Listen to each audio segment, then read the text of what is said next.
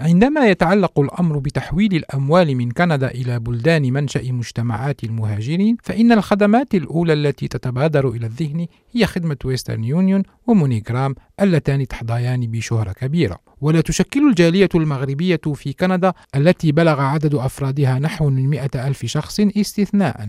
فعندما يتعين عليها لسبب أو لآخر إرسال الأموال إلى المغرب تستخدم هذه الخدمات. ومنذ يناير كانون الثاني 2018 أطلقت خدمة جديدة يلا كاش التي تنافس بصفة مباشرة هذه الشركات العملاقة العالمية. ويوضح أمير لالوش رئيس ومؤسس الخدمة وهو مغربي الأصل هاجر إلى كندا منذ أربع سنوات أنه قرر إطلاق هذه الخدمة انطلاقا من تجربة شخصية ويقول أراد أحد أصدقائي إرسال بعض المال لعائلته في المغرب وذلك بسبب حادث مأساوي وقامت شركة تحويل الأموال بتعليق العملية وطلبت منه تبريرا وجملة من الأمور الإضافية وبالإضافة إلى ذلك كانت العملية مكلفة للغاية ولم يصل المال في الوقت المحدد وكان الأمر معقدا حقا وبعد ذلك ذلك قرر أمير لالوش إنشاء خدمة يلا كاش souvent le, les transferts d'argent sont très chers euh, mm. et avec des coûts cachés, donc euh, notamment sur euh, la gestion du taux mm. et, euh, et tout ce qui est frais fixes, comment c'est calculé.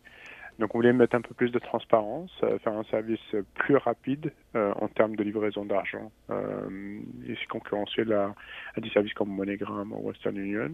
غالبا ما تكون التحويلات المالية باهظة الثمن وذات تكاليف خفية خاصة فيما يتعلق بسعر صرف العمولات وطريقة حساب التكاليف الثابتة. أردنا أن نضع شفافية أكثر بقليل وأن نطلق خدمة أسرع ونتنافس مع خدمات مثل مونيغرام وويسترن يونيون كما قال أمير لالوش. وخاصية هذه الخدمة هي أنها تعتمد على العالم الافتراضي 100% حيث ليس لها فروع وتستخدم فقط تطبيق الهاتف المحمول للتحويلات. ويتم استقبال الأموال في واحدة من 2500 نقطة أو وكالة تغطي كامل التراب المغربي. وكونها تعتمد على تطبيقات الهاتف المحمول لا يعفيها من الخضوع للقوانين واللوائح الكندية المتعلقة بالتحويل. وتخضع خدمة يلا كاش لرقابة سلطة سوق المال في كيباك ومركز تحليل المعاملات المالية في كندا كما ذكر أمير علوش ويقدر هذا الأخير أنه بسعر ثابت قدره 2.99 دولارا لكل عملية تحويل يمكنه أن يستحوذ على حصص أكبر من هذا السوق ويوسع نطاق خدماته ليشمل بلدانا أخرى في المغرب الكبير وغرب إفريقيا. ووفقا لأمير لالوش الذي أسس الشركة مع شريكه سيدريك تامافوند